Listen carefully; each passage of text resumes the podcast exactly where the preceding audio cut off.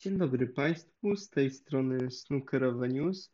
Witam i zapraszam na kolejną dawkę snookerowych emocji związanych z dniem 10 Mistrzostw Świata. A w tym dniu działo się naprawdę wiele, ponieważ yy, na arenę weszło dwóch bohaterów. Jeden yy, najlepszy snookerzysta Chin, a drugi przez wielu uważany za najlepszego snookerzystę wszechczasów, czyli Roniego O'Sullivana. Weszli oni oczywiście na swoją drugą sesję meczu. I można byłoby powiedzieć, że pierwsza partia tego pojedynku, e, tej drugiej sesji była e, miłym złego początkiem dla Roniego O'Sullivana, ponieważ on ją wygrał na e, postawionym snookerze na niebieskiej. Była to partia szarpana, gdzie obaj snookerzyści mieli swoje szanse, ale na szczęście lepiej wykorzystał je e, Ronnie O'Sullivan, który w kolejnych trzech frame'ach e, musiał uznać wyższość e, Dinga Jonqueya, który wytoczył naprawdę niezłe działa tutaj, żeby doprowadzić do wyniku 7 do 5 ze swojej perspektywy. Wbił kolejno 64, 118 i 101. Te liczby naprawdę robią wrażenie, a to w jakiej płynności i z jaką odwagą e, Ding Junhui e, prowadził te swoje breaki i poczynania przy stole, pozwoliło, e, doprowadziło do prawdziwego strachu wszystkich fanów Roniego O'Sullivana.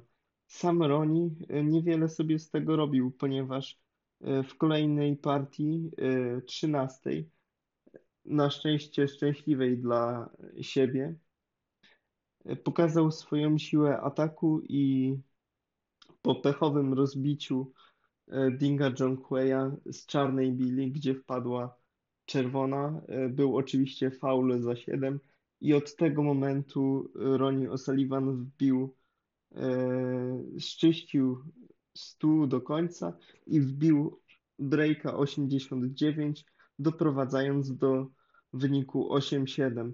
Wydawało się wszystkim na sali, e, także mi, który oglądałem ten mecz e, przed telewizorem, że e, będzie wynik 9 do 7, ponieważ Ronnie O'Sullivan bardzo się rozpędzał, nic bardziej mylnego. Ding wydaje mi się, że ma taki sposób na Roniego O'Sullivana w tym meczu, że gdy Anglik się rozpędza, Momentalnie Chińczyk y, doprowadza do sytuacji, gdzie Ronnie O'Sullivan musi wykorzystać swoje możliwości, pokazać swoje umiejętności na odstawnych, a te ewidentnie nie domagają w tych ostatnich dwóch sesjach. W pierwszym meczu to wyglądało dużo lepiej, y, porównując przede wszystkim długie, długie bile, te long pots, na których Ronnie O'Sullivan e, prezentował się praktycznie bezbłędnie, a teraz e, po prostu dużo częściej zdarzają mu się błędy. Do tego dochodzi jeszcze niedyspozycja, tak jak powiedziałem, na odstawnych, więc e, wszystko to zdecydowało o tym, że ta ostatnia partia sesji w której to Ding Junhui wbił 42 punkty, potem poparł jeszcze solidnymi odstawnymi. Y, po prostu zakończyła się wynikiem 8-8 i będziemy dzisiaj o 20 kontynuować to spotkanie. W, na sąsiednim stole wynik tak samo był bardzo bliski, ponieważ yy, ta druga sesja zakończyła się wynikiem 8-8, tak samo jak u nas, z tą różnicą, że pierwsza e, sesja zakończyła się prowadzeniem 5-3 dla e, Nila Robertsona, który naprawdę bardzo dobrze się prezentował.